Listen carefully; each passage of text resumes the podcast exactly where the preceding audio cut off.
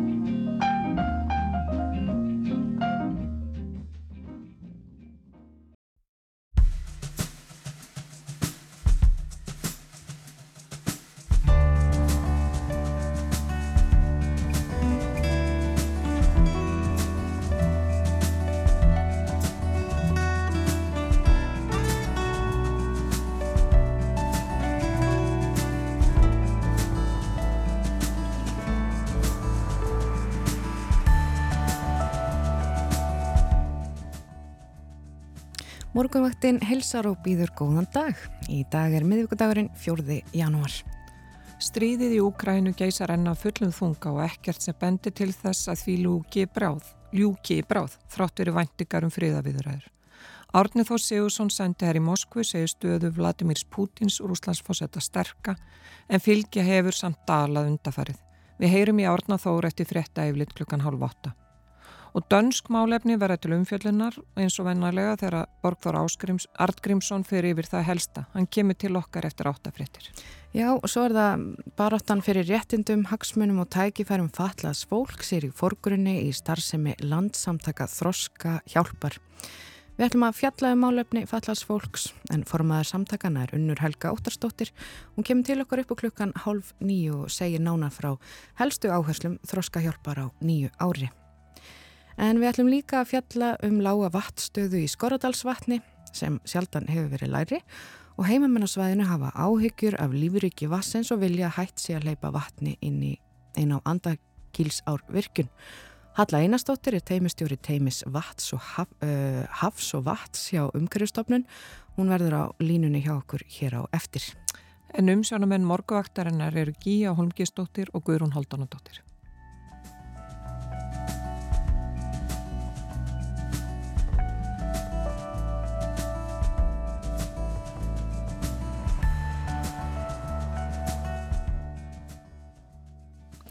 Já, við fórum nú aðeins yfir veðrið hér áðan, eh, aðeins að fara yfir veður horfurnar á landinu og lesa þú hugleðinga veðurfræðings. Það er útlitt fyrir tíðindalíti veður á landinu í dag, viða fremur hægur, vindur og bjart með köplum en líkur á stjöku jæljum við vesturströndina. Austatil á landinu verður þó norðvestan kaldi eða strekkingur og þar má búast við lítilsáttar snjókomi fram yfir hátegi. Frost yfirleitt 0-12 stig, mildast austast á landinu. Og það er hálka og hálkublettir víða og um að gera fara varlega, gefa sér líka tíma, skafa bílnum með þér og bíl og búa sig bara vel áður en að lagt er að staði að það er, svona, það er svalt í veðri og, og það verður já, frost í dag um allt land. En þú varst eitthvað búin að kíkja á blöðin í morgun, er það ekki ekki? Jú, ég skemaði hérna aðeins yfir íslensku blöðin og hér er ég með morgunblæði fyrir fram að mig. Þar á forsýðu morgunblæðsins er mynd frá Brasilju.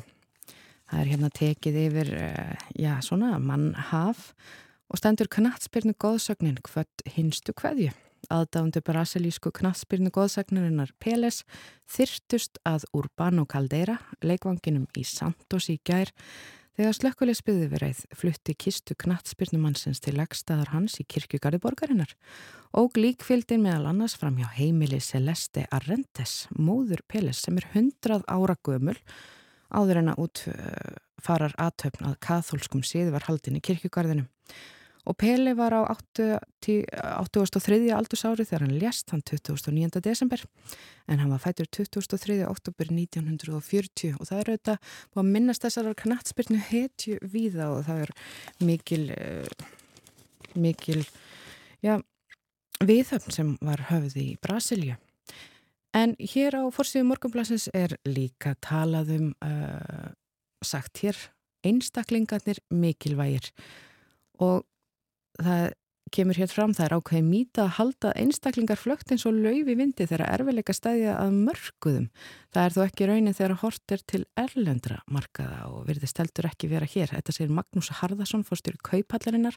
Hann er í ítalegu viðtali í viðskiptamokkanum í dag. Svo er það fréttablaðið.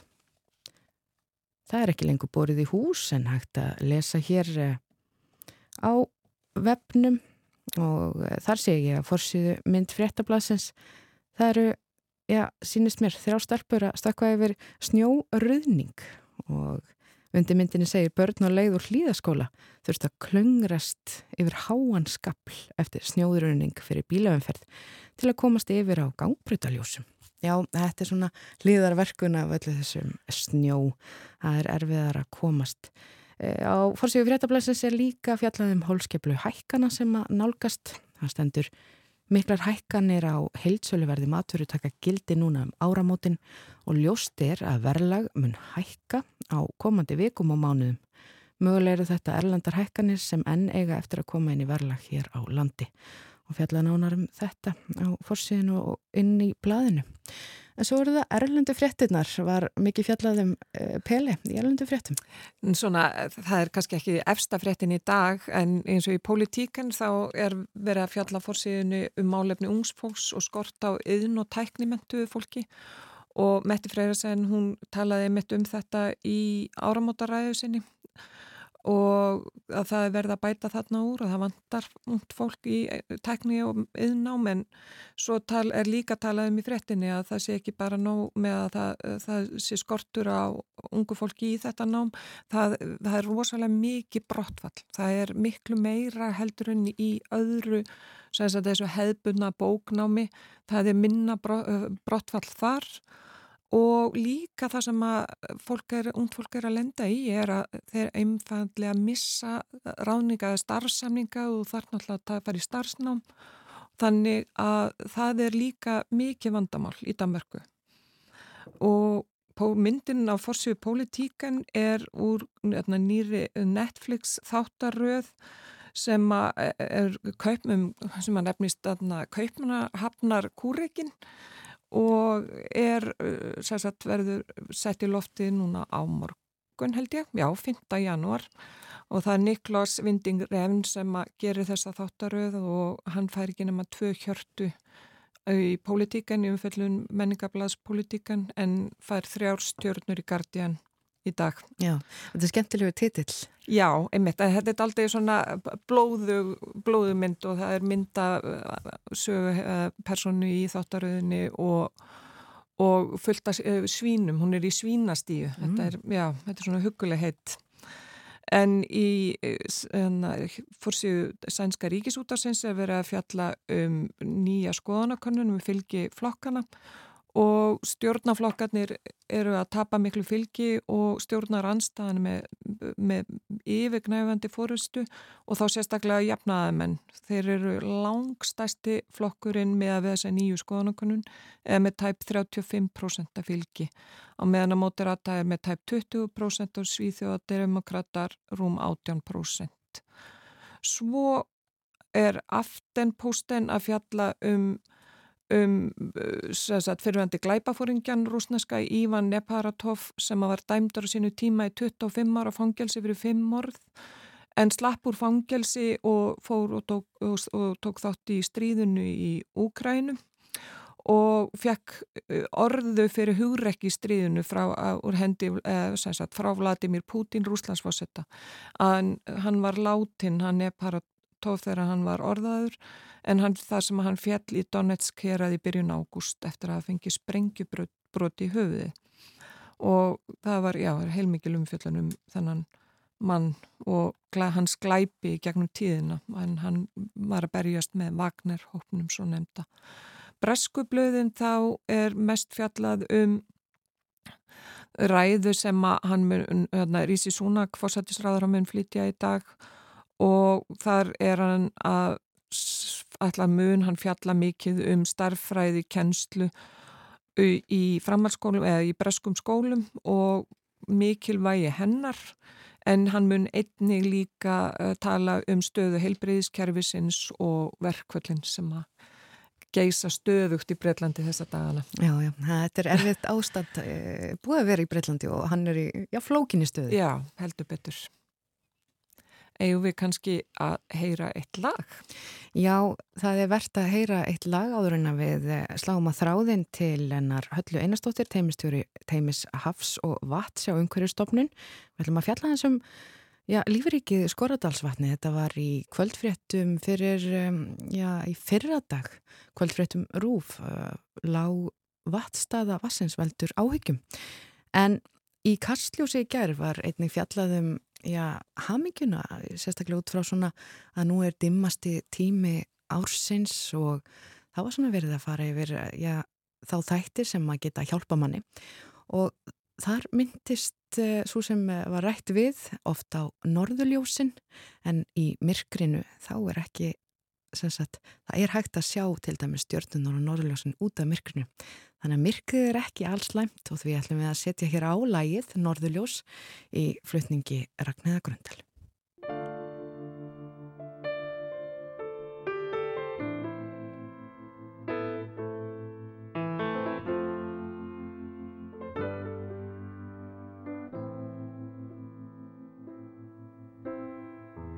Ég satt um kvöld og horfi hátt á heiminn bláman stjú augun dróðu stræmt í kaf í dimman nætur hjúp ég vildi horfa húmið burt og heiðið bak við sjá og eftir vill var augasteinn minn óskasteinn þá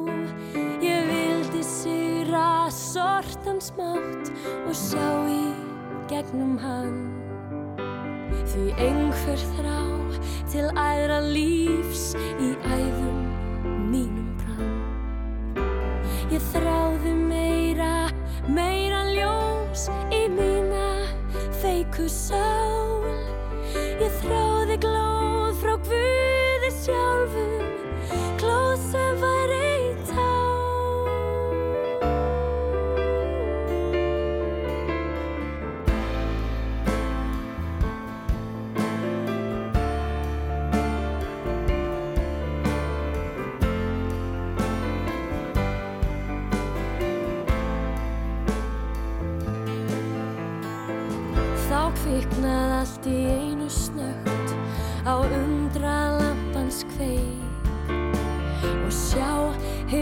hinn bjartu blísin Guðs sér bröði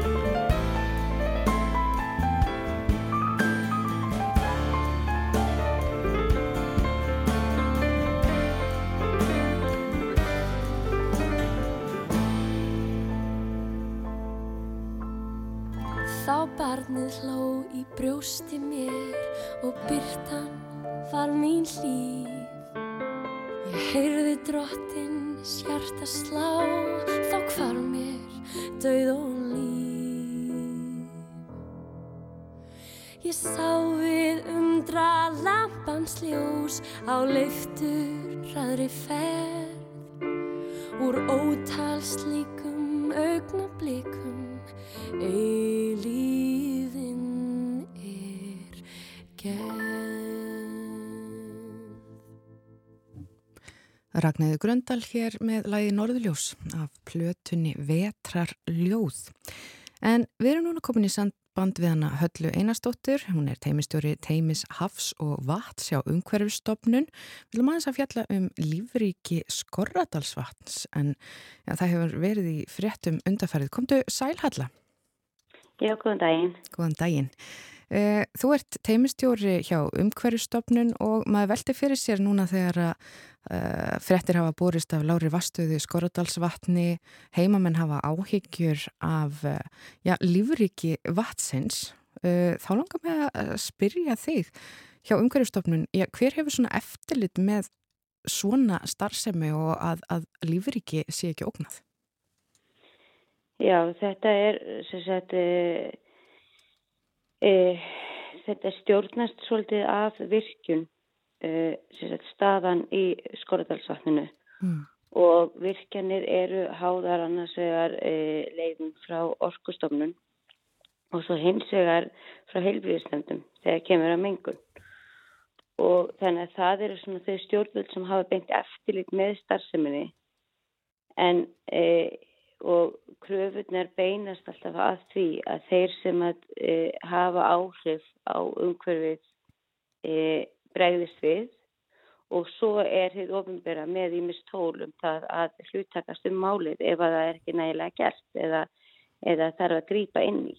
Já. Og þar, þar hefur umhverfstofnun alveg hlutverk en við höfum svona kannski ekki beina aðkomu uh, og umhverfstofnun hefur hlutverk meðal annars út frá stjórnvatnamála sem er hugsuð sem lögjöf til þess að ramma inn e, aðkomu eins og ofinbera á vöktun og, og, og markmið til þess að, að stöðla vendun e, vassauðlindarinnar og svo hins vegar með tilliti til náttúruvendar og þar höfum við líka alveg hlutverk vegna þess að þarna eru þrjú svæði sem eru frilýst með tiltinátturvendar og þar í rauninni er þá e, stuðlað að samráði mm. til þess að ákveða hvernig skuli nota svæðið og hvernig það skuli umgangast e, til þess að, að e, stuðla að náttúruvendinni. Já, já. Þannig að við skilðið rétt þá er það orkustofnun og heilbjörnseftirlit Vesturland sem að hafa eftirlit þarna með já, andakíls árvirkjun og þeim eh, já, já, svona umhverfis áhrif með áhrifum sem að hún getur haft en, en vegna þessarar innleggingu og nýri vatna áætlun sem að er nú að borði ykkar hjá umhverfiskapnum þá hafið þeir svona eins og eru regli við allavega lífrikið. Já, það má segja það sem sagt að sem sagt e, með vatnaállunni og, og með e, lögum stjórn vatnamála þá er rauninni markmið þeirra laga er að venda vatn og vist kerfið þess. Mm. og þar er e, sagt, e, þá er vatninu skipt upp í, í stjórnsýsleiningar sem kallar vasslót og all yfirbósvasslót eiga í rauninni að vera í góðu ástandi Þannig að ef að e, það er skilgreint og komið þar aðstæður þar sem að, að e, ástand vasslótsins e, hnyggnar að þá er hægt að grýpa til aðgerða til mm. þess annars er og þá, þá er vissulega fyrsta sverið er að rannsaka og taka stöðuna hver er stafan, hvað þarf að gera og, og, og svo er henni þá möguleiki að grýpa til sérstaklega aðgerða þar. Mm -hmm. Hvernig horfir þetta við þér? Eh, það berast þarna fréttir af að Lári Vastöðu, það er eh, sko bleikjan, eh, fólk hefur áhugjur af henni í vatninu. Um, já, hvernig svona blasir þetta við þér? umhverfstofnun hefur sko, verið í samræðið og við hagsmun aðila mm. og þarna er mjög mikilvægt að við séum að leita leiða til þess að, að e, leysa svona mál. Og þá er mjög mikilvægt að við séum að hlusta á e, hagsmun aðilana og þá sem að, að hérna e, hafa möguleika á því að stýra svona e, til dæmis virkunum og þess að þar. Hvað er hægt að gera í þessari stöðu? E, og það sem að hérna og við höfum fundað með e, orkunátturinnar og e, landeigandum e, þess að við erum að skoða hvaða aðgerið er hægt að gera og hvað er hægt að gera í þessum aðstæðum e, og svo þannig ég gerir bara fastlega ráð fyrir því að við munum fylgjast mjög náið með núna framvindinni og, og vera í samtali við þetta fólk um hvað, hvað við getum gert í þessari stöðu og, og, og svo framvegis. Já. Uh, já, það kemur hérna fram uh, frétt í gær á uh, VF Rúf að Frankvæntastýra Orku Náttúruna segir að staðan í andakils árvirkjum sé slæm fyrir alla en, en ef að það sé ekki sagt, uh, hleyft vatni á virkjunum þá geti hún skemst en, en svo er það auðvitað hagsmunni lífrikisins líka og það er mikið talað um fiskin í vatninu. Hver til dæmis fellur það undir vatnasvið eða hver þarf að að aðtöða með fiskistofna í vatnum? Já, þarna endur spiklast kannski mitt þegar það er einlega svona rammalögjöf eins og uh, stjórn vatnamála. Þá hefur þetta snertifleti á mjög marga staði. Og uh, ef við til dæmis horfum á fiskina þá er þarna bæði verið að horfa á þetta lífrikið og þetta visskerfi eins og sömulegist þá er þetta auðlind og hefðin er svolítið svoleiðis að, að hafrannsóknstofnun hefur verið að, að vakta stoppstærðir í, í fiski.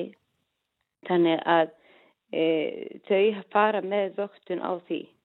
Og eins og staðin er núna þar sem við erum í eh, svoklum fyrsta vatna ring það er fyrsta vatna áallum sem hefur verið samtíkt til 6 ára.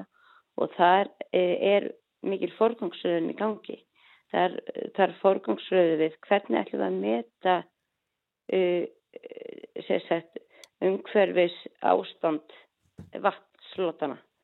Og þar voru fiskar ekki settir undir núna í þessum vatnaring E, það er verið að skoða blæðgrænum, það er verið að skoða hryggleysingja e, og þess að þar en það er ekki fiskar þar undir eins og, eins og er. Mm -hmm. þannig að uh, það er líka með stjórn vatnamála þetta tegir sig inn á inn ymsu stjórnvöld Já. og þar eru við líka þar er ráðgjafastofnunir og fagstofnunir vinna mjög náið með umhverfstofnun við innleiðingu á þessum Eh, lagarama og þessum markmiðum, þessum, þessum viðmiðum. Akkurat. Þetta er náttúrulega gríðilegt mat að meta hvernig er ástandið á vatninu og hvernig eigum við að meta hvað að horfa til til að meta ástandið. Akkurat og svo talar um að, að það er orkustofnun og helbriðseftildild Vestlulands sem að koma aðna, það er líka Hafrannsóknustofnun sem að já, sérum sagt, að hafa eftirlit með fiskistofnum og svo eru þið svona regli það þarf að hafa gott samráð þarna og, og samtal. En mér langar aðeins að fara yfir sko árið 1972 þá brast stíplugarður og gífileg flóður því Andakilsá og árið 1991 þá, þá dró skindilegur reynsli þannig að hluti árfarvegarins fór á þurft. Það hafði áhrif á lagsasæðu og uppþurkun árfarvegarins. Svo var þetta þessi, já þetta umhverfislist 2017 þar sem uppstöðulón var tæmt og mikil auðbast í Andakilsá og, og já, orkanáttúruna var til dæmis sagtu fyrir það af orkustofnun. Heimamenn hafa líst áhugjum af þessari já, afle afleðingum þessa. Maður veldi fyrir sér umhverfis eh, ábyrð, bara svona rétt að lókum. Já, og það er einmitt eh, bara mjög áhugavert að velta því fyrir sér. En þarna, og var síðast 2017, að þar var svona ákveðið atvik sem að í rauninni á sér stað. Eh, ég tel núna að það, þetta er sambland af náttúrulegum aðstæðum og síðan rekstri virkunar.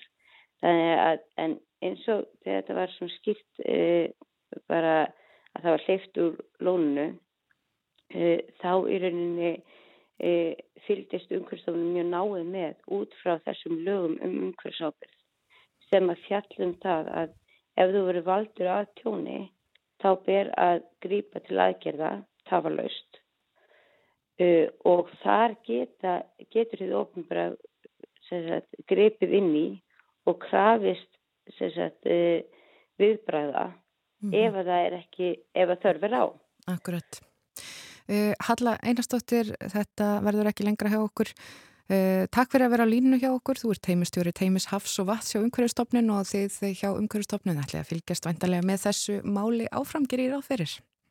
Já, takk fyrir bara samtalið og bara ég vona bara staðan bætni þarna sem fyrst.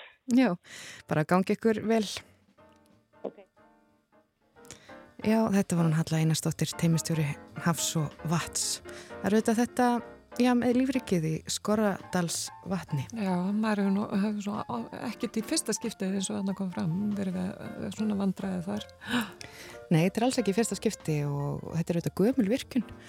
Mér minnir á að ég hafi séð að, að hún hafi verið reist 1947 ég ætla nú ekki alveg að hengja mig fyrir en, en sem sagt þetta er gömulvirkjum sem Já. var gerð áður en að svona uh, lög og reglugerðir voru Uh, svona umhverfisáhrif voru uh, greft í stein eða sem sagt orðin mikilvægri en það líður núna að frétta yfirliti og á eftir það þá ætlum við að spjalla við hann um, Árna Þór Sigursson sendi hér að í múl. Já, emitt. Heyra hvað hann hefur að segja um Úgrænu og Rúsland.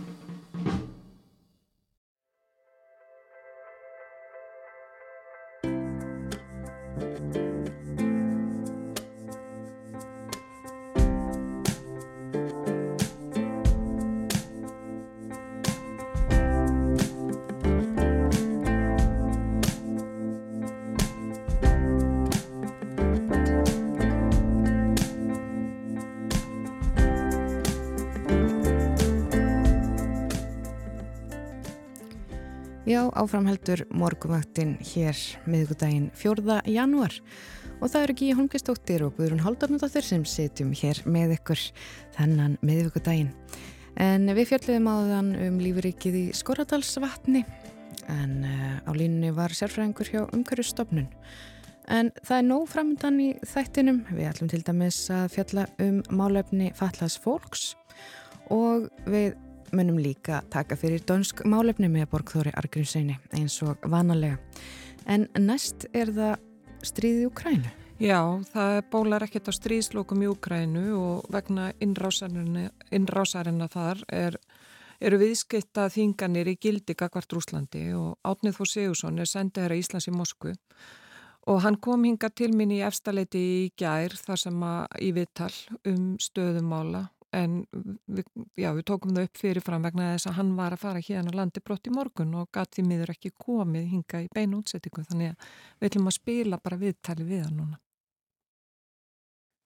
Sæl Árni Þór, velkomin í þáttin Já, takk fyrir það. Jæja, hvað segir þú? Þú varst hjá okkur hérna morguvaktinni 24. februar í fyrra. Já. Dægin sem að innrás rúsa hófstinn í Úkrænu og Hvað segir þú? Nú á tíu mánuðir er staðan líkt til þess að þú áttu vonu? Nei, alls ekki. Ég, og ég held að mjög fáir hafi á þeim tímabúndi ímyndað sér að við værum komin inn í nýtt ár og, og að staðan væri enþá þessi að það er enþá stríði í, í milli, innrás rúsa í Ukrænu stendur enn og stríðin er ekki lokið. Ég held að fæstir hafa nú gert sér það í hölund að þannig er því staðan. Og nú heyrum við að það er svona eins og rúsnesk yfirvöld séu meira að viðukenna að þetta hafi ekki gengið sem skildi.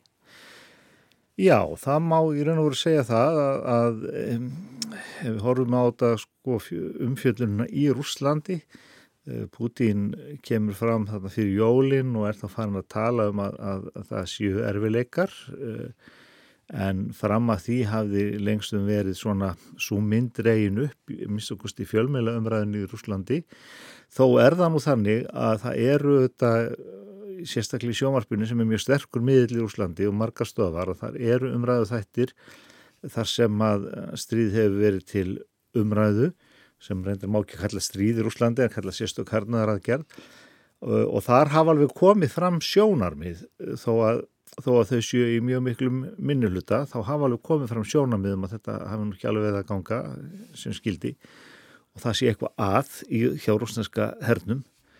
Og Eh, en, en svona undir loka ásins þá er í fyrsta, fyrsta skipti sem við heyrum þetta koma frá aðstu stjórnendum landsins að, að það séu erfileikar og núna viðu kennaðir mannfall e, auðvitað veit rúsneska þjóðin af mannfallinu, ég minna fólk ungir, ungir herminn koma heim í líkistum og, og, e, og þannig að fólk veit auðvitað um það þó að það sé ekki mikið talað um það Já, og nú er, hann, er Putin búin að vera fórseti í 23 ár, núna var á gamlástag, 23 ár liðin frá því hann tók við ennbætti. Er staða hans enns mjög sterk? Sko það er þetta, eh, svo mynd sem við höfum er að hún sé sterk, já, það sé verulegu stuðningur við hann.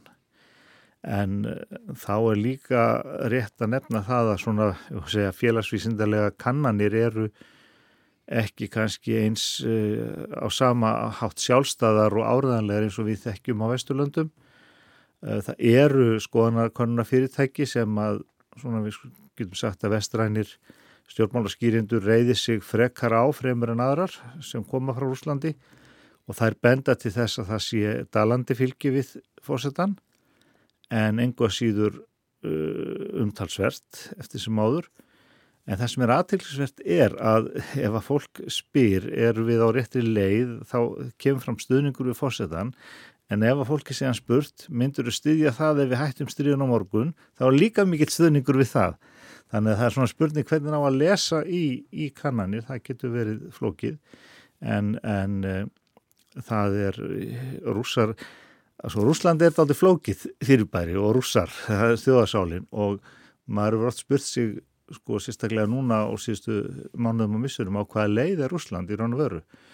Eh, Rússar eru mjög stolt þjóð, þeir eru, þeir, þeir eru mjög andum um móður, móðurlandið eins og þeir kallaða og, og, eh, og styðja kjarnan við sína leðtoga eh, og það endur speglast í konunum myndi ég segja.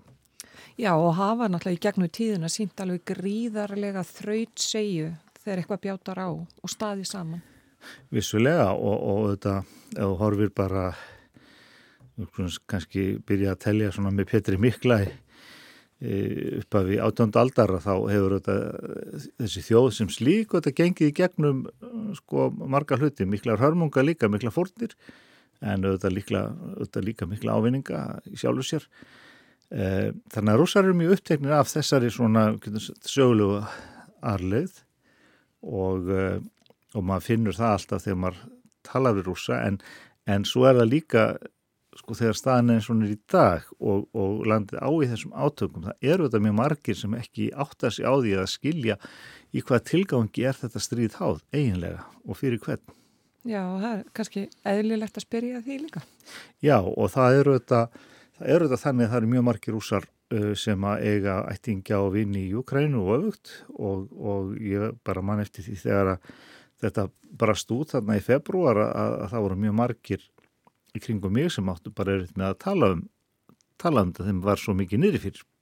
Já, það er sér miklu tengslu náttúrulega einmitt stóri hlutar á Ukrænu sem eru í rúsnesku mælandi.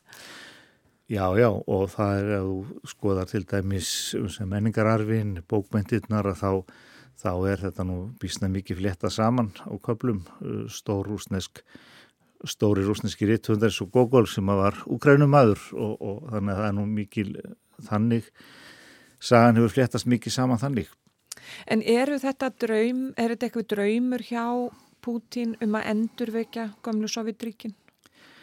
Það voru uh, margir og eru margir í Rúslandi sem að, sem að harma hrun Sovjetríkina og telja og við höfum hirt Pútín segja það sjálfan að, að það hafi verið einn stærstu mistök geopolítísku mistök 2000 eh, aldarinnar hrun Sovjetríkina eh, og maður skoðar ímislegt sem að svona sagt stjórnmála skýrindur fræðimenn um, um Rúsland hafa verið að skrifa og segja að þetta sé ég á draumur um, um, um, um stórveldi.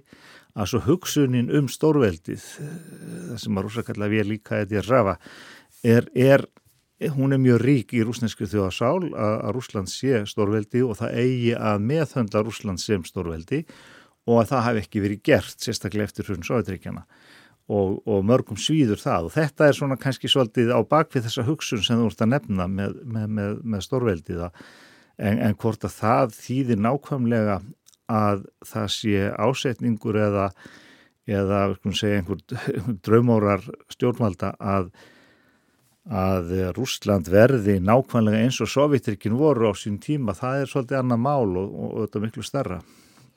En svo hefur verið líka talað um að landinu verði jafnvel alveg lokað fyrir karlmenn og herskildu aldrei.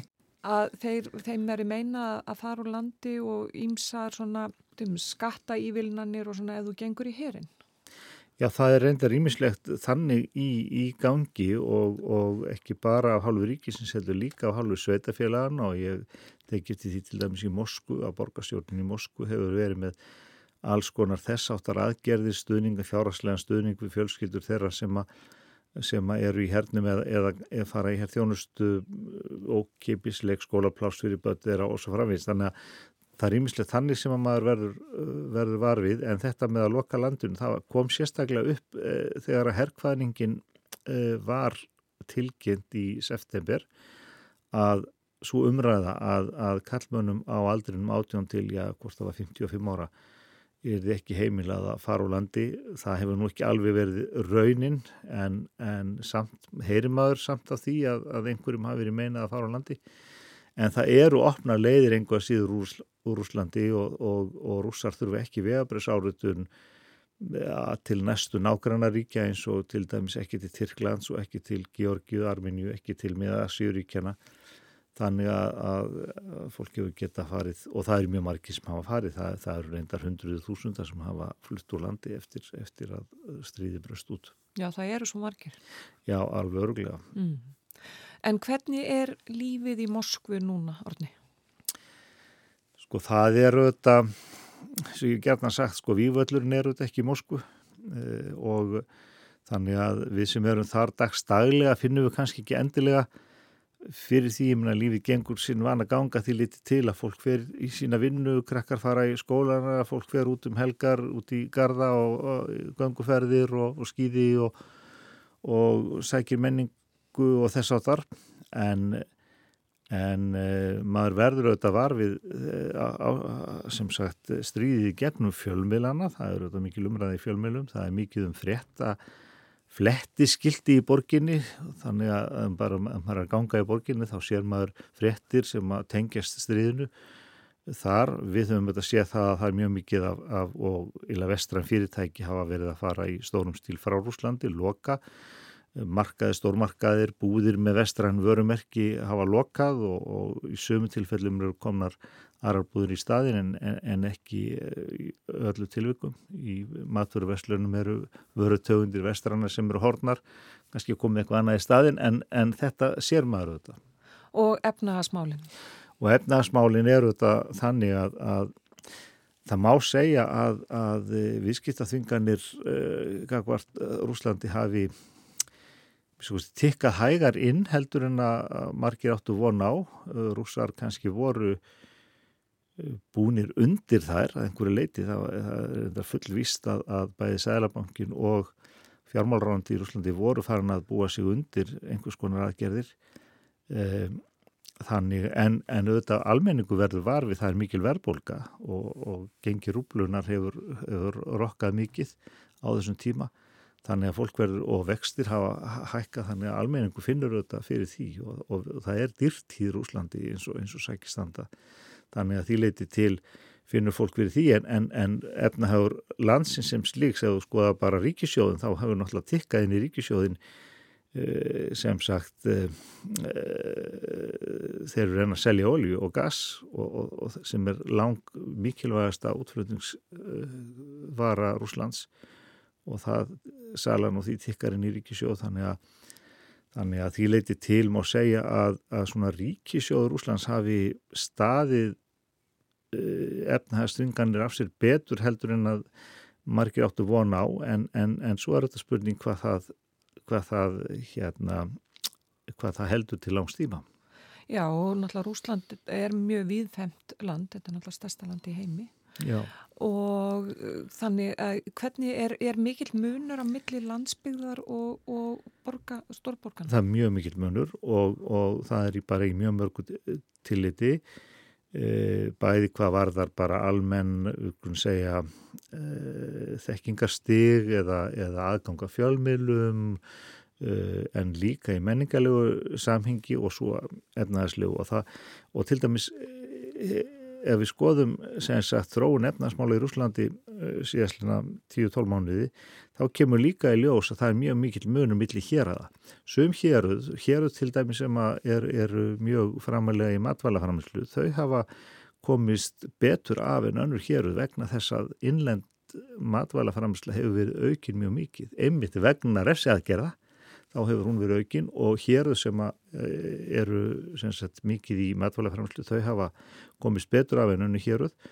Eh, það er þannig og það er lönghæð fyrir því í, í Rúslandi að stórborgin eins og Moskva, Petersborg, fleiri slíkar, þær, þær eru svona í daldi sérflokki, það er hugsað betur um þær, er fá eh, aðföng alls konar áður en að, að dreifing fer til landsbyðarinnar og það er þetta mjög, bara mjög mikil efnahæslu munur á hjá, hjá almenningi í stórborgum annarsvegar og út um sveitirnar hins vegar. Já, þannig að fólki í stórborgunum hefur það mun betur. Það, já, það, og það er stór, það er stór ágætlega sett millistjætt í stórborgunum sem við sjáum miklu síður á landsbyðinni. Já, nú þegar þetta viðtal verið spilað í fyrramálið, þá ert þú á leiðinni til Moskvu. Já. Hvernig er að ferðast á milli Íslands og Moskvu í dag? Já, það er náttúrulega þannig að það er sem sagt engar flugsamgöngur og engar lastasamgöngur millir Úslands og Vesturlanda eins og Sækistanda, allt frá því að, að loftrýminu var lokað. Eh, þannig að, að það er svona svolítið umhendis. Við höfum, eh, Íslendingarnir sem erum í, í Moskvu, höfum helst notað þá leið að fara landleðina til Helsingi og, og fljúa þann Já. og ég fer semst í gegnum Helsingi og svo landleðina þann til Pétursborgar og svo það náfram til Moskvu. En það eru ímsir af, af okkar kollegum frá öðrum uh, vestrænum ríkjum sem eru þá að fara í gegnum uh, Tyrkland, Istanbul eða Dubai eða Cairo jável þannig að það er mjög umhendis langt veðarlega en, en menn færu þá leið. En, en það hefur einst okkur hapadrykst að fara landlegina, hún er, hún er ódýrari og, og, og mörguleiti allt í lagi þó hún takkir tíma Já, þú tekur þá lest bara frá Helsingi? Nei, það er enga lest Nei. til Helsingi. Ég þarf að fara bílakandi frá milli Helsingi og Pétursborgar en, en svo er lest milli Pétursborgar og Moskú sem er þægileg. Og hvað er þetta þá langt ferðarlag fyrir þið frá Helsingi? Já, ég er nú, ég, ég gisti á leiðinni sko, þannig að það eru alveg tveir dagar sem fara í, í, í svona ferðarlag. Já. Þannig að þú kemur beint í, í rúsnesku jólinn. Já, það er svona, því, því líkur svo um, um helgina má segja næstu helgi og, og, og svona almenn starf sem er verið komið þá í ganga aftur eftir næstu helgi. Og er ekki kallt í Moskvu? Það er reyndar ekkit búið að vera sérstaklega kallt núna undarfarið. Ég kom heim fyrir jólinn en þá var, voru svona þetta 10-12 stiga frost. Það er bara, bara svipaðu hér hefur verið. Þetta er bara svipað viður. En það getur orðið ansi kallt, það getur Já. alveg farið niður í 25 stík, sem ekki sé. Já. Takk kærlega fyrir komin á morgavaktina Átnið Þórsíðursson. Það var lítið, takk fyrir som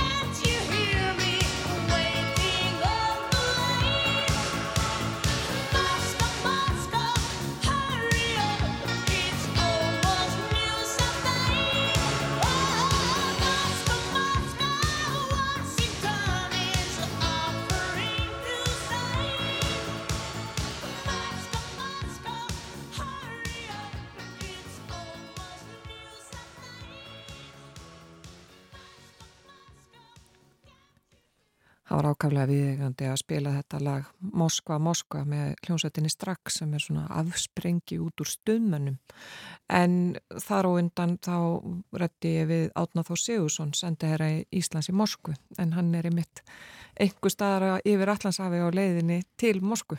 Já, akkurat núna, þetta er þetta rosalega langt ferðalag. Já, það er það sérstaklega eftir að lofthelginni var lokað að því að eins og hann sagði okkur hérna þá er það bara fljúa til Helsingi, taka bíl þaðan yfir til og keira til Pétursborgar og svo lest. Já, þannig að við bara óskum hún góður að ferðar. Já. En um, við ætlum nú aðeins að fara yfir færð á vegum. Það er nú hálka víða á landinu. Ég sé hér inn á vefsíðu uh, vegagerðarinnar að það eru bláar línur sem eru einkennandi litur vegana núna og blái liturinn þýðir hálka. En á höfuborgarsvæðinu er hálkublettir á helstu stoppbröytum, á söðu vesturlandi er hálka og hálkublettir á flestum leiðum, þó er snjóþekja á Mósfellsheiði og hálkublettir eru til dæmis á Reykjanesbröyt og Hellisheiði. Á vesturlandi er hálka eða hálkublettir uh, víðast hvaran snjóþekja á nokkrum leiðum og, og Laxárdals heiði þar er unnið að uppbyggingun í svegar og já já það er hægt að lesa um það. Vestfyrðir það er þæfingsfærð er á háldan og unnið að mokstri. Hálka er viðast hverjan snjóþekja þó stökur leiðum. Á Norðurland er hálka á helstu leiðum og Norðausturland er snjóþekja hálka eða hálkublettur á flestum vegum. Þungvært er á Hólasandi og ófært á Dettufossvegi og á Östurlandi er snjóþekja hálka eða hálkublettir víða þæfingur í skriðdal og vitað er að þungfært er á Vaskarði eistra en þar verður móka með morninum. Greiðfært er að mestu sunnan fáskúrsfjörðar. Á Suðausturlandi er hálka eða hálkublettir víðast hvar og á Suðurlandi hálka á flestum leiðum en snjóþekja víða í uppsveitum þá er þæfingur á nokkurum vegum. Og það kemur hér fram að vegagerðin minnir á að vegir sem eru skráðir í þæfing eru ílfærir eða ófærir fyrir eindrifsbíla. Þungfærir vegir eru ófærir fyrir eindrifsbíla og ílfærir fyrir fjórhjóladrifna fólksbíla. Það er gott að hafa svona þessi hugtöku á hreinu.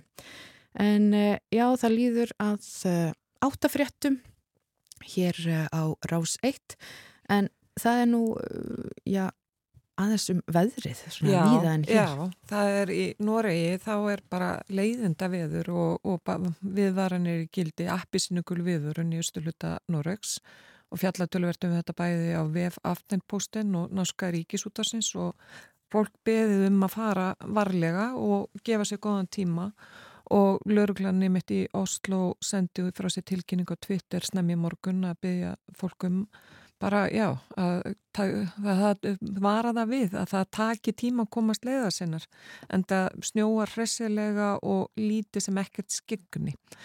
Og það var náttúrulega gaman að sjá veitna, í fréttum í gæri að þá var einmitt verið að fjalla um veðufarið og þessi miklu hlýjendi víða í Evrópu um áramótin og þetta voru alveg ótrúlegar tölur sem að var, það var yfir 20 steg að hiti og í Fraklandi var sko rauð, eða að hvað yfir 100 viðstöðar með hæsta hita sem að mælst hefur á nýjástag og já, þetta var bara í Berlín var sko hvað, um 20, nei 16 steg að hiti á nýjástag þetta er ekki, ekki venjulegt og sama tíma þá var veðustofan með mitt í gær líka þennan mikla kulda í desember þar sem við vorum að slá alls konar kuldamett. Já, akkurat veðufari hefur verið ansi, já auka kent undarfarið og november var ansi hlýr desember óvenju kaldur og þess að hittabilgja víða en Það eru fréttir hér innan skams og eftir fréttir þá sest hjá okkur Borgþór Argrímsson. Hann ætlar að fara svona yfir það helsta í danskum málum.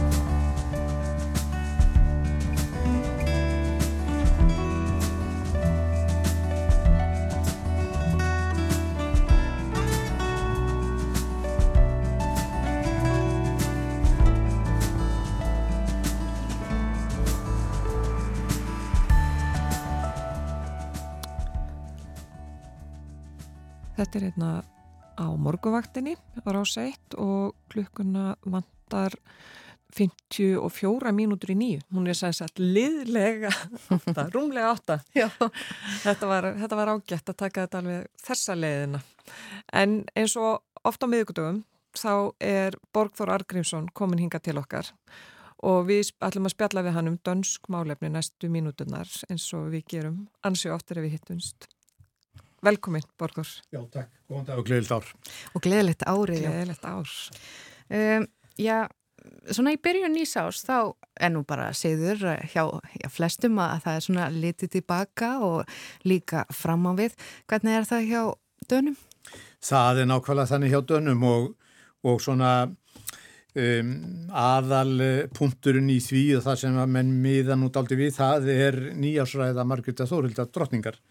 Hún ávarpar þjóðina í sjónvarpi og útvarpi á gamlásta klukkan 6 í degis og talar yfirleitt í um það byrj 15 mínútur. Þetta er allt mjög formfast og eftir að ræðunni líkur og reyndar áður hún byrjar þá, þá erum við að spá í hvað hún muni segja og svo að tala um það hvað hún hafi sagt og uh, þeir fara svona yfir uh, þetta og reyna að meta svona hvernig hún uh, lítur á hlutina og Núna veldi fólk vöngu fyrirfram hvort þú myndi tala mikið um ósættið í fjölskyldunni sem var nút aldrei í fréttum fyrir Já, nokkru síðan. Akkurat. Vegna þessar ákverðunar að svifta börn Jóakims svona síns prinsa og prinsessu tillum. Það gerist nú fyrir nokkru mánuðum. Hún sagði að í öllum fjölskyldum líka sinni kemur upp ágreinismál og hún sagði að nú bara gefist tími til að vinna úr þeim málum á nýju ári. Hún væri leið yfir, yfir þessu en, en svona væri þetta nú. Hún byrjaði nú hins vegar ræðun á að tala um stríði í Úkrænu og eitt aldrei miklu púðri í. Það er hörmungar sem innrás rúsa hefði leitt yfir íbúa Úkrænu og nefndi líka að Danir hefðu tekið vel á móti flottafólki sem að auðvitað flest óski þess að geta snúi heim aftur flottafólkið og myndist þess líka að núnum áramótin voru 50 ár síðan að Danir gengu í það sem þá hétt efnahagsbandala Evrópu en fekk nú síðar heitir Evrópusambandið og draumurinn var náttúrulega með samvinnu Evrópuríkjana að þá er því endi bundin á ófriði Evrópu. Sá draumur hefði ekki ræst, sagði drotning og myndist meðal annars á stríðið á Balkanskaga á tíunda áratugnum og svo náttúrulega þessi óskup sem að ganga á núna og hún myndi líka á að líti lönd eins og Danmörk, þau gætu lagt sitt af mörgum og gatt þess að Danir hefðu áhuga á að og ofinbillega komið því á framfæri að taka sæti í örgisáði e, e, saminuðu þjóðana. Mm. Svo sendir hún alltaf sérstaka hverju til færinga og grænlendinga í ræðu sinnu og það, það gerði hún auðvitað núna. Já, uh, það er svona bríningi í þessu hjá henni. Já, það, það, já, það er það. Er það vennjan í hennar ávarpi? Já, það nú fennum kannski svolítið eftir svona uh, hvernig árið hefur verið. En það, það var dál til bríningi í þessu og það er mitt pikkuðun og þessir álitskjafar út svona eftir að, eftir að hann var búin að tala. Já, en uh, frá uh, þessari nýjásræði Margreðar Þórhildar þá er nú verðt að minnast á já, stór frétt sem að árið byrjaði á út í Danmörku. Já, það, það má nú með sanni segja að, að morgunni annars í annúar þá bárustöðu tíðindi að Lísa Nörgård væri látin 105 ára að aldri og svo frétt hún yfirskigði allt annað í dönskum miðlum og skildi nú kannski engan undra. Nei, við þekkjum hann nú helst sem höfund Matador en hún hefur nú gert nú ímislegt annað um æfina. Já, já, hún sagði margóft í viðtölum að þóttum væri ánað með að Matador hefur auglast mikla vinseldir þá væri hún nú stoltari af ymsu öðru sem hún hefði gert. Pappinar sem var köpmaður í Róaskeldu, hann hafði vonast eftir því þegar að Lísi kom í heiminn að um, þetta er strákur, en mm. það var nú ekki. En hann ekktu eignus og hjónin um, fóraldreinar són síðar. hann var mjög stjórnsamur en hvatti börnin sem eru þrjú til að leggja sig fram við allt sem við tækju sig fyrir hendur og hún hefur sagt frá því að við mataborði á kvöldin þá kvarta börnin til að segja frá því sem að hefði gerst um daginn og um, þetta var mjög góð æfing, sagði Lísu Nörgótt síðar Fadurinn ákvað að, að fyrst þetta fór nú svona, þetta var ekki strákur, að hún skildi fara í hústjórnaskólan í Sóru. Það væri nú góður undirbúningur. Þetta var algjörlega misetnað, sagði Lísi síðan. Sko, Mér að segja pappi gæti ekki borða það sem ég eldaði eftir að ég var í skólanum æ, æ, og, æ, og mér hefur ekki farið fram, sagði hún, í viðtali árið 2014. En hún byrjaði mjög ungi í bladamennsku á, fyrst á Hróaskeldu dagblæðinu og svo á politíkan þar sem hún var í 19 ár og hún var líka um tíma á Berlínske. Svo var hún rítstjóri í Jemmet sem var nú mjög vinsælt Já, í tvö ár. Hún skrifaði um allt millir heimus og jarða, mikið um málefni kvenna og neytendamál og líka tvær bækur um hundaþjálfun. já, Ef maður á hund, ef maður er í það minnsta örugur um að það er eitt sem elskar mann. Ah. Sá hann einhvern tími viðtali. hundurinn besti vinnum mannsins. Já, já. En hún hefur verið rosa með breytt áhuga svið greinilega, allt frá hundum yfir í, já, hún er svona samfélagsrýnir greinilega. Já, já, hún, hún var það og, og uh, hún skrifa náttúrulega margt annað en, en, en Matador, bækur og eins og ég nefndi og svo var hún einn höfunda uh, myndað þáttaraðarinnar húsi på Kristjánshán, húsi á Kristjánshöfn.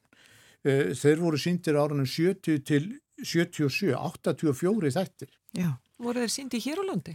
Ég þór ekki að segja það. Ég, ég kannast Danir ekki. er alltaf að sína þetta, endur sína þetta aftur og aftur. Þetta, þessu var nú ekki spá langlífi en uh, af gaggrinendum en þeir reyndust nú algjörir hlaðvarpa spekingar í þessu Já. því að þeir eruðu geysi vinsælir og leikstjóri var Erik Balling sem að leikstýriði svo Matador Mm. sem voru síndir á áranum 78 til 81, 24 þættir uh, í fjóru þáttaröðum, þá má nú geta þess að Erik Balling, hann leikstýri nú 79 á stöðinni, já er það. hérna, sem að við þekkjum nú vel. Akkurat. En sko þessi matador þættir, ég menna, þeir slóðu bara algjörlega í gegn. Já, þeir slóðu algjörlega í gegn og uh, þeir hafa verið endur síndi sko í danska sjónvapinu áttasinum og núna er öruglega stutt í að veri byrjað að sína. Þeir síndu eitt þátt þarna á, að kvöldi annars janúar. Já, og hvað er, hvað er það sem gerir þá svona vinsæla? Ég held að sé að margt, þeir eru mjög vel skrifaðir og mjög vel gerðir og það eru, þeir sko gerast á árunum 29 til 47 síðstöld og uh, það eru þarna margar personur sem koma við sög og það eru rauninni margar sögur líka þó það sé alltaf svona eitt þráður í gegn þá eru samt margar sögur sem að þarna eru sagðar og þarna þetta er mjög vel leikið, þarna eru margir af þekktustu leikurum Dana og þetta var flókið að koma þessu saman upptökurna fóru alltaf frammilli 8 og, um, og 12 fyrir hádegi því að margi leikarana þeir voru í fastri vinnu við leikúsin Mm. og þegar verið var að taka upp fyrstu sirpuna, sex þætti, þá voru tveir leikarar að leika á Jótlandi og þeir voru alltaf fluttir í sjúkrabíl eftir að sýningun lauk Já. á kvöldin á Jótlandi, þá voru þeir fluttir í sjúkrabíl bæði til að, að sjúkrabílinn getur nú farið hraðar en svona venlegi bílar og líka þeir getur kannski sofið á leiðin Já, en sniðið, þú verður svo- þá bara fluttir á rauðum ljósum. Já, ég veit það nú ekki, en allavega í sjúkrabíl og svo fluttur tilbaka eftir upptökurnar, þá voru þið fluttur til Jótlans. Í dag myndum við nú sjálfsagt nota þyrlu til að Já. koma þeim hann á milli, en þetta bara svona sýnir hvernig þetta var og Já. það viktist eitt leikarinn hann í fyrstu syrpunni og hann var bara fluttur af, af, af spítalanum í, í stúdíóð í Valby og, og, og peppaður eitthvað upp og svo, svo var hann fluttur aftur á spítalan Væntalega með sjúkrabíl. Já, já, allir það ekki og svona uh, svona þetta nú Eh, Þessi kona Lísi Norgård, eh, já, þetta er svona áhugaverð típa eh, og það er nú eitthvað staðar, held ég hafi lesið að- að henni hafi verið eitthvað í nöp við farsíman. Já, það er sko, hún er oft talað um það en fannst farsími vera algjör pláa Já.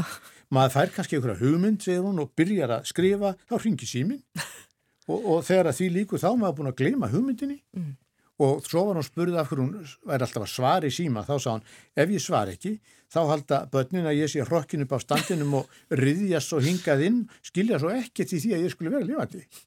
Þannig að þetta er, henni er mjög illa við farsíman Já, uh, og Danir minnast nú þessarar konu uh, með, ég vantarlega mörgum endursýningum og minningum og hinn og já, þessu. Já, já, já, já, umræðið þáttum og blöðin voru Já. fulla af þessu náttúrulega. Akkurat. En Verðum við ekki að tala eins um jólinn hjá dönum líka. Þau eru nú já, um margt lík jólunum hjá okkur. Það er jólatrið og steik og gafir og ímislegt. Já, já.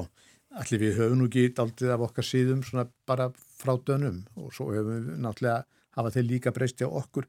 Sko þeir eru mikið með jólatrið og áður voru flesti með lifandi ljós, kerti semst á trjánum, mm. það hefur nú breyst svolítið en það er samt svona ennþá hjá mörgum daldið. Eftir e, matinn sem er nú víðast önd eða, eða purusteg, þá er gengi í kringu jólatrið. Akkurat. Og sungið. Já. Og, og hver með sínu nefi eins og sagt ennu og, og það verður alltaf að reyna að koma jólatriðinu þannig fyrir að sé hægt að ganga í kringu það. Mm -hmm. Og, og svo er náttúrulega hugaða pökkunum þar á eftir. Það er á afhverjasköld, er það ekki? Það er á afhverjasköld, eins og já, já, já. Og hefur þessi síður að ganga í kringum jólatrið haldist? Já, ég, það veit maður ekki annað og fólk sem að ég þekki þar er þetta alltaf svona. Já. Og við vorum nú sjálfi í Kvöpmaröfni og, og Vilborg kona mín um jólin og vorum einmitt á aðfangandaskvöld hjá danski fjölskyldu og þar var svona daldið leiði yfir því að það væri ekki hægt að ganga í kringum trið því það átti sko að fara út í gard og ganga í kringum trið þar en þannig að um, þessu var nú sleft í þetta skipti en þetta er síðu sem þeir halda mjög stíft í og þeir halda mjög stíft í þessa síði. En hvað með gafir? Eru þeir með þetta gafa pakkaflóð eins og við á, á jólum? Já, ég veit nú ekki hvort eru alveg jafn svona eh, grimmir, grimmir í þessu og við en, en, en þeir eru heilmikið heilmikið með pakka. Svo þegar að, þegar að hérna, þessu búið það, þetta er búið þá kannski horfaður á sjónvarpið eða spila. Mm. Það er bara notaleg jól. Já, já, notaleg jól. En þá er það spurningin um gamlaskvöld. Hvernig eru gamlaskvöld í Danmörku? Sko, eftir ávarp drotningarinnar klukkan 6 þá er borðað. Áður var mjög algengt að veri borðaði svoðinn þorskur.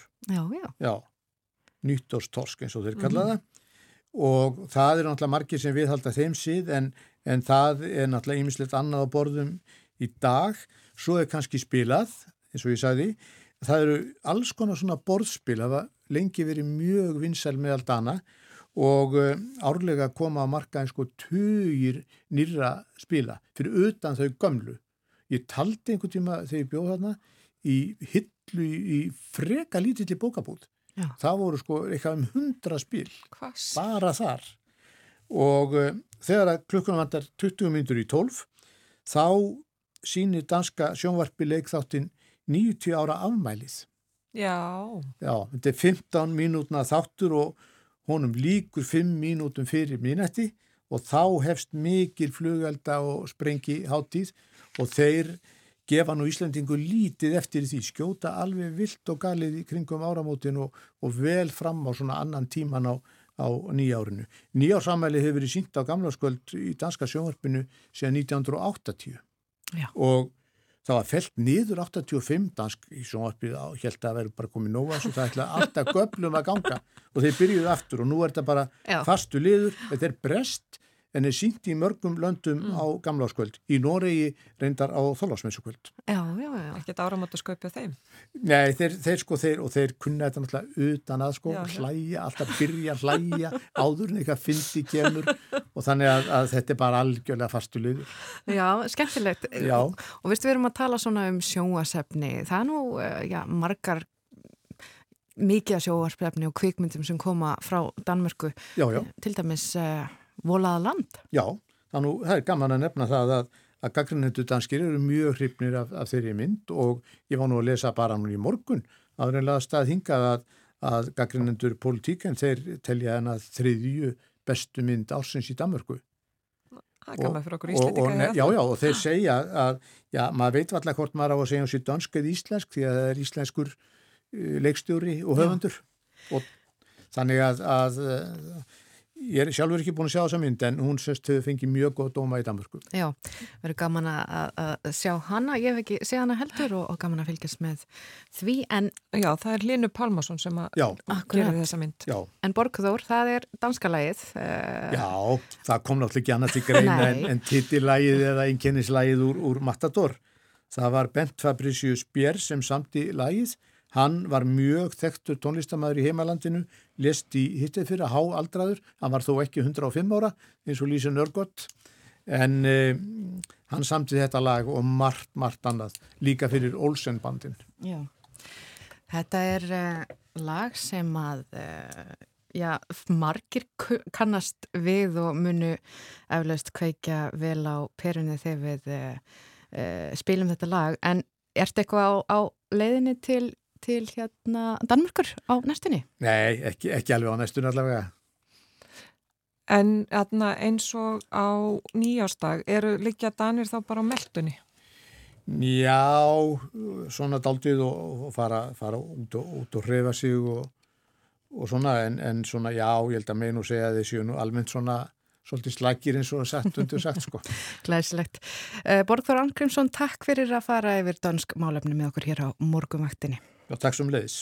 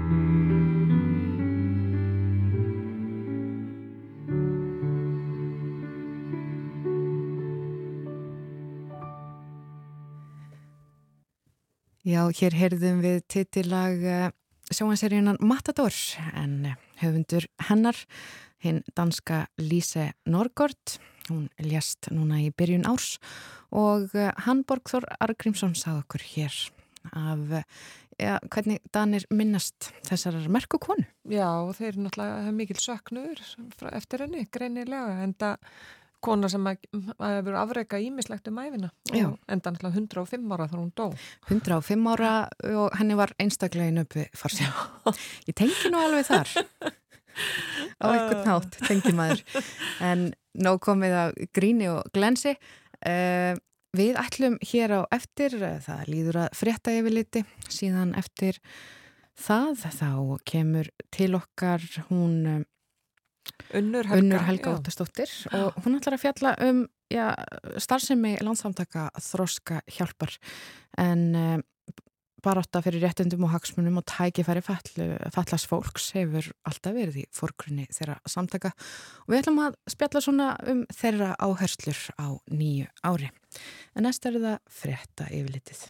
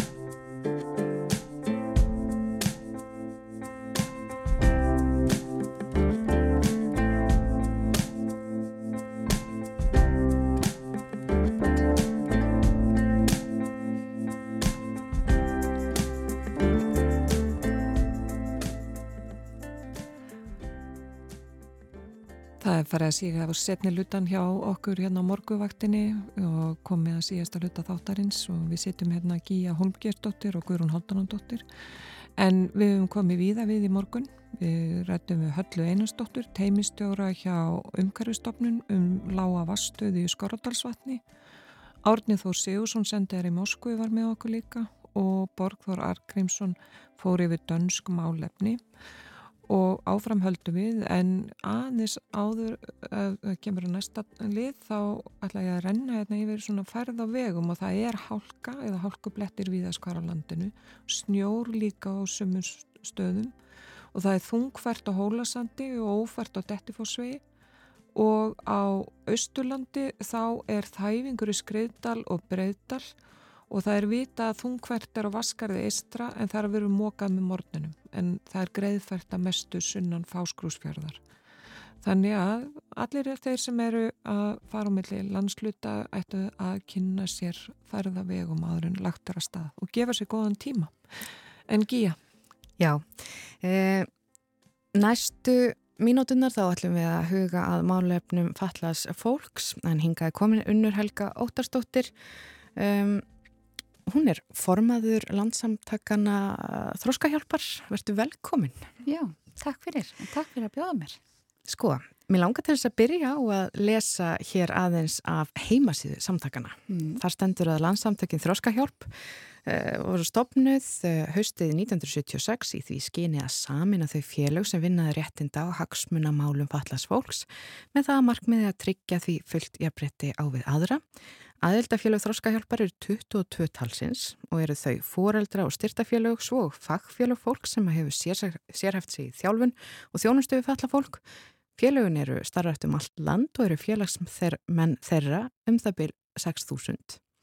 Landsamtökin hafa allt frá stopnun samtakanalagt höfuð áherslu á málefni fallaðs fólksjöfu, eh, málefni samfélagsins alls og að unnið skuli að þeim í samræðin við þá sem sérstakra hagsmuna eiga að gæta.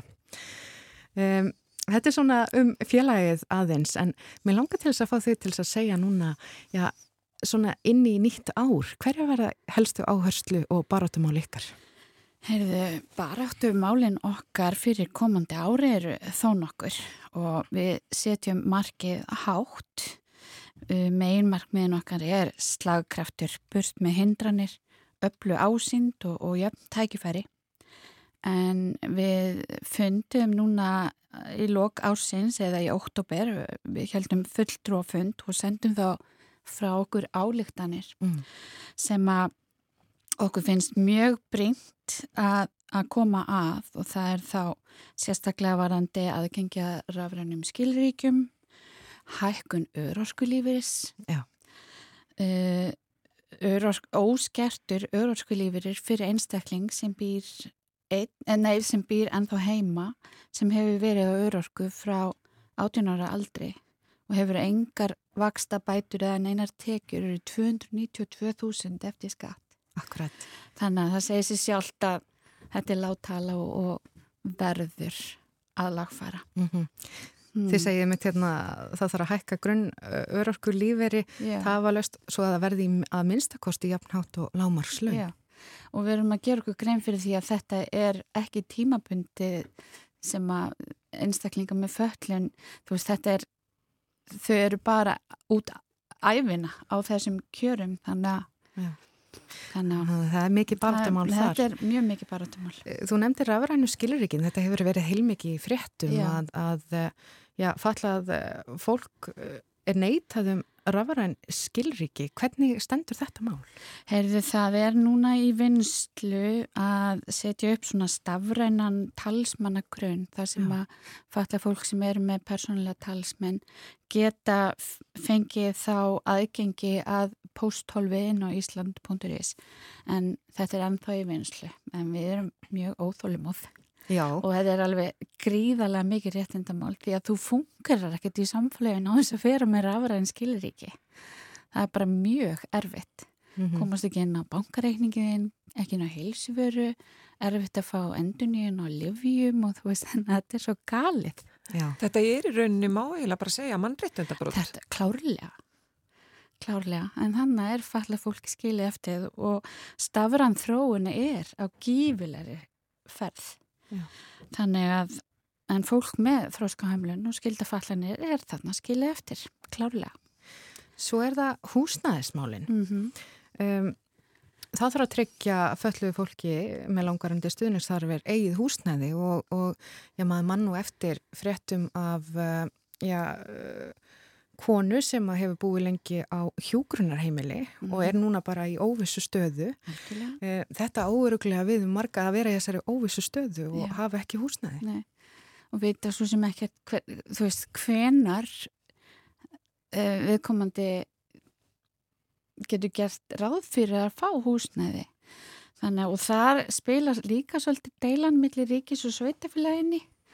Þannig að það er alltaf talað um að, að hérna að þessi málaflokkur sé svo kostnæðsamur og hver eigi að borga brúsa þannig að mm -hmm. þetta er mjög miður þessi, þessi umræða og nefudreipandi fyrir falla fólk að sjá ítrekkað að það rætt um þennan málaflokk sem byrði á sveitafélagunum sem bytnar þá klárlega á þjónustunni. En sveitafélagin veita þá ekki þá þjónustu sem þrátt fyrir að hún sé lögbundin En hvað með þá að því að sveitafélaginu er náttúrulega mísjöfna burði, burðum yeah. og hvað þau geta gert. Mm -hmm. Er það þá þannig að það skiptir bara verulega miklu máli hvar þú býrð? Já, já, það getur gert það. Klárlega.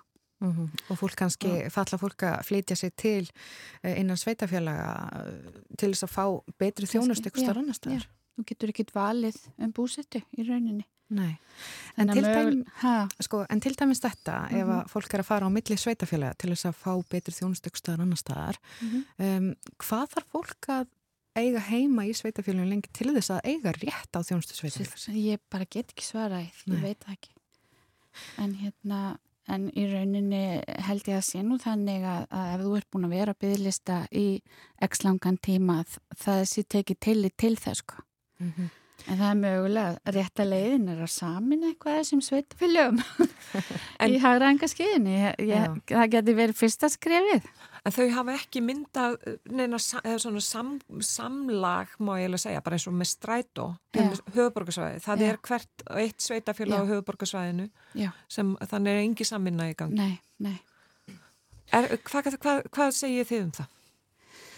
Uh, við hefum svo sem, ég meina Við hefum svo sem ekki neina sérstaka skoðun á því en, en í rauninni ber sveitafélagunum samt sem máður að veita upplýsingar og, og, og gera einhverjar eh, ráðstafanir og áallanir um uppbyggingu á húsnæði fyrir falla fólk.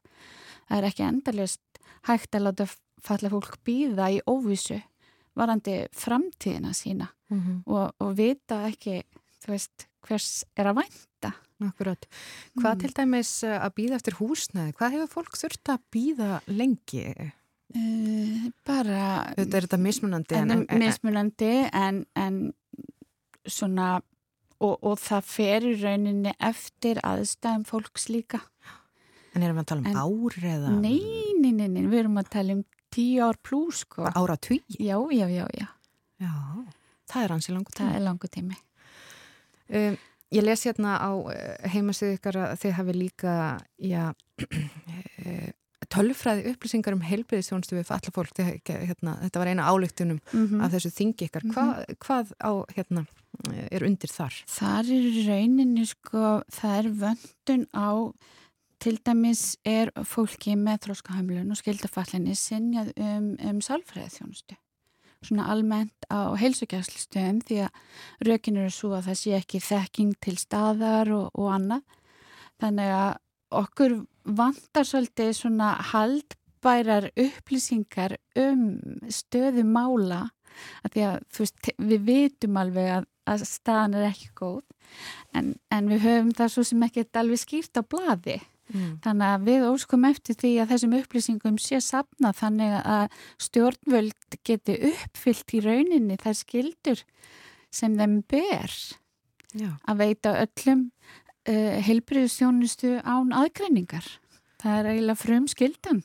Er það það þannig ef þú ert mhm. með þroskahömlum þá þarfst þú bara ekkert að sálfræði þjónustu að halda? Nei, það sé ekki bara þannig. Það er svona mm. skilja på stjórnvalda. Þetta er svolítið, mm. þetta er afar meður. Þetta er þetta mikil mismunum og, og brot á, á, á mannrettið.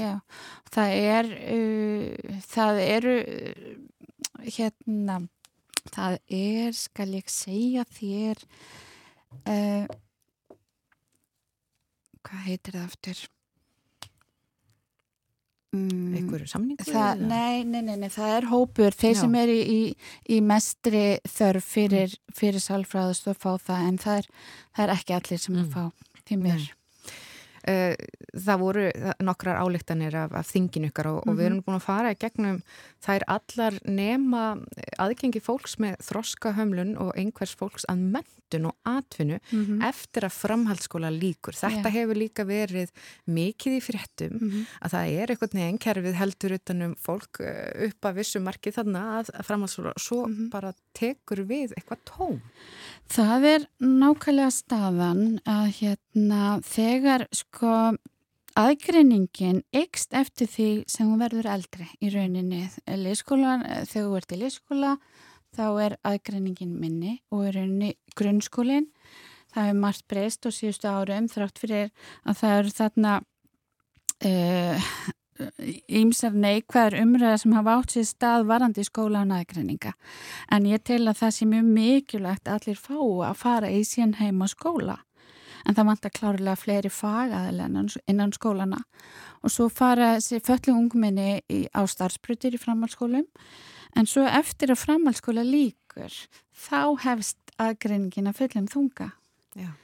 Þannig að En við erum vongóð með framaldi og það er alveg vitundavakning í gangi og við höfum átt gott samstarf við félags- og vinnumarkasráð þeirra og erum núna í mjög spennandi vinnu varðandi landsáallinu tengist einlegingunni á samlingssamnu þjóna um réttindi fallast fólks og það tekir svona heilstætt bara allar greinar og svona svolítið uh, verið að kortleika svolítið hvað við þurfum að gera og við vonum svo sannarlega að samningurum verði lögfestur mm -hmm. bara sem fyrst. Já, já, það hefur nú verið þetta bara baráttumálunum lengi. Já, já. Um, sko, Unnur Helga, þú ert uh, formaður landsamtaka Þróskahjálpar, hvað mm -hmm. ertu búin að vera lengi formaður? Herru, ég er búin að vera núna starfandi í rúmdár. Já. Ég er búin að vera helgarinn skóli Já, hvað sem maður hefur þurft að takast á við og áskuranir og læra nýja hluti og... Já, og hvað hefur svona komið eh, mest á óvart við að taka þennan slag að vera í formanni?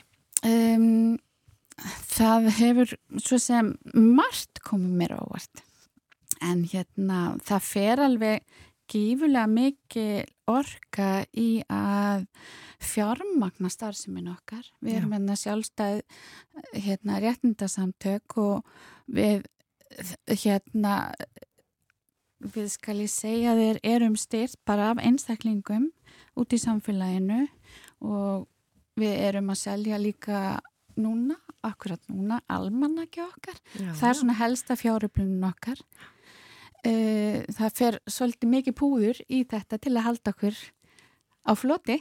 Mm. en hérna það sem hefur líka komið mér á óvar bara kerfið í hilsinni pólitíkin. Uh, í rauninni eftirlit eftir þú veist bara framgangi mála. Já. varandi málaflokk fallast fólks. Eh, þú hefur nú verið viðlóðandi, já, svona starf lengi, þú varst í fórildra samtökum, eh, er það ekki rétt, eh, þú átt fallaða dóttur? Já, já fall, hún er að verða 25 ára, hún er með dánshelginni, þannig að, jú, jú, við erum búin að lifa í, og, í þessum heimi mm. sem hún fættist og það er bara verið mjög, mjög fróðlegt og, og skemmtilegt. Já, um, 25 ár, mm. dóttiðinu 25 ára, þannig að þið hafi verið svona í kerfinu uh, að svona að, að fara í gegnum það, mm -hmm. þannig tíma. Mm -hmm. Hvað finnst þér hafa breyst eða hefur eitthvað breyst? Hver er svona þínu upplifun?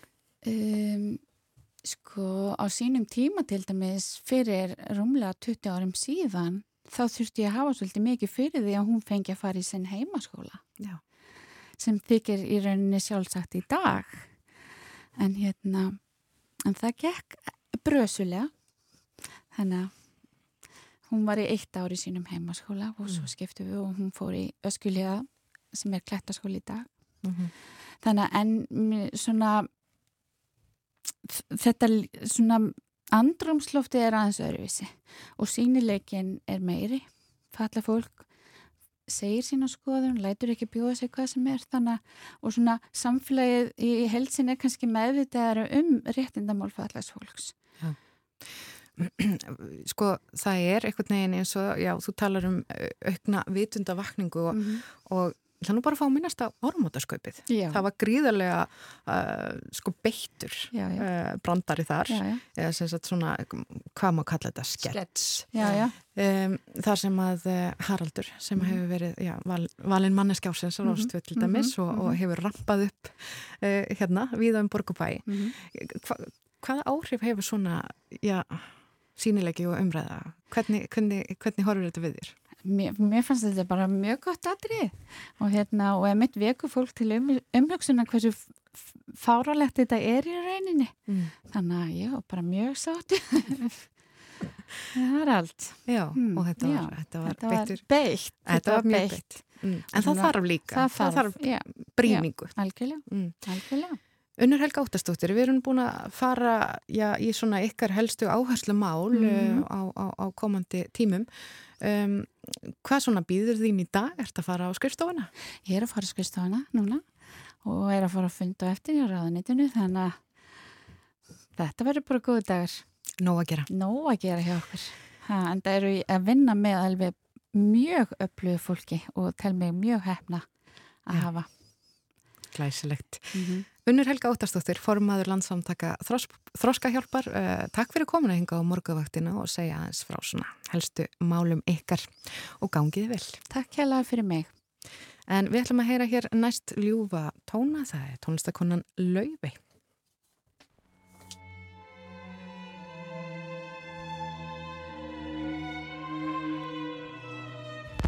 So enchanting in every way. It's everlasting every day. Sweet obsession, rose bouquets. Oh, it's heaven, or so they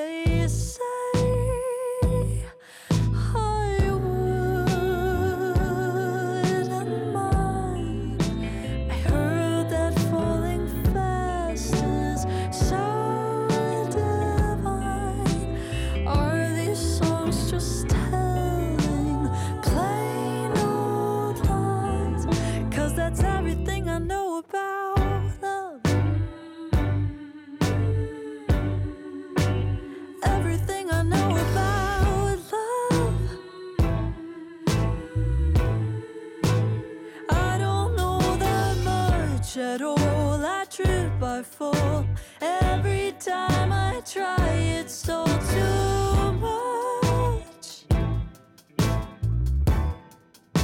That's everything I know about love.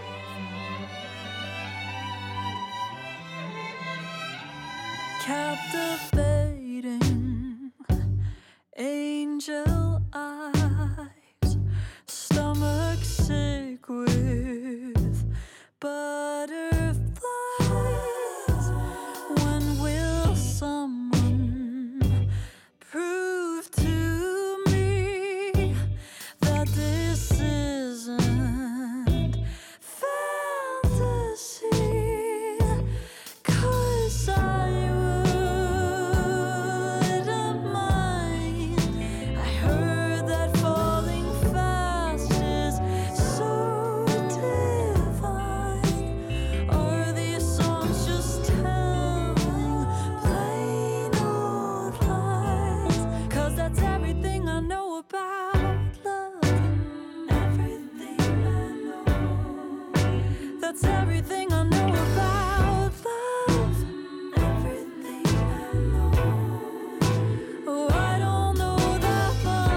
much at all. I trip, I fall.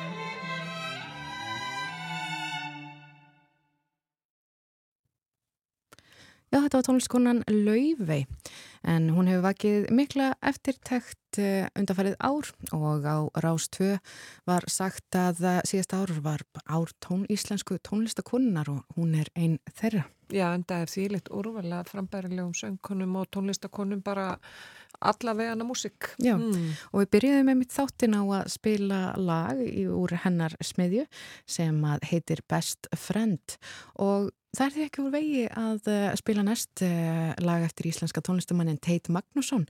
Lagið heitir Vinur vina minna.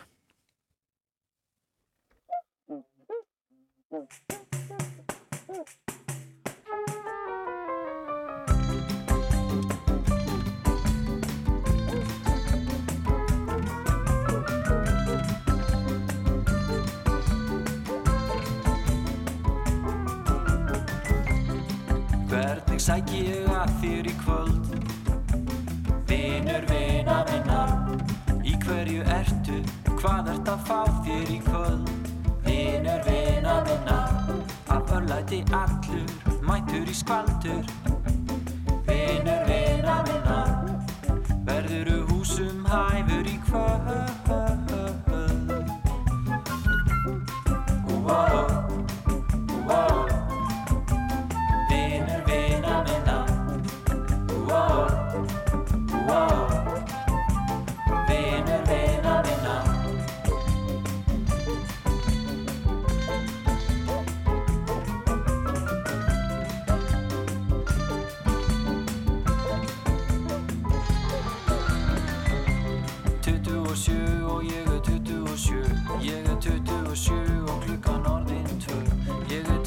sjö, klukkan orðin tvö. Tvö, tuttugu og sjö. Ég er tuttugu og sjö, ég er tuttugu og sjö. Við erum saman tvö. Tuttugu og sjö, ég er tuttugu og sjö. Ég er tuttugu og sjö. Og við erum alveg bæði alveg tuttugu og sjö. Hvernig sæki ég að þér í kvöld? Vinur vina minna. Í hverju ertu? Hvað ert að fá þér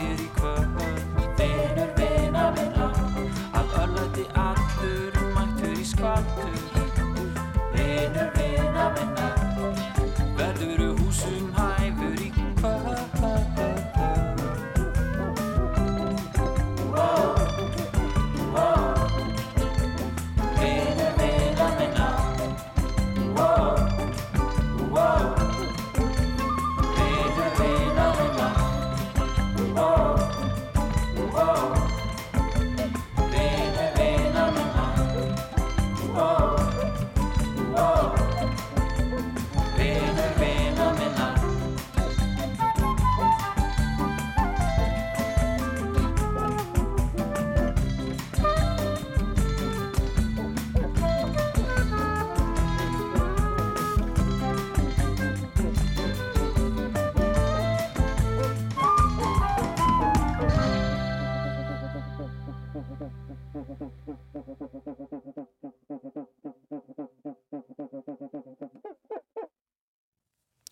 þetta var hann Teitur Magnússon með lægið Vinur vina minna og ég var nú svona að velta fyrir mér hann í lokin hvaða hljóð þetta væru.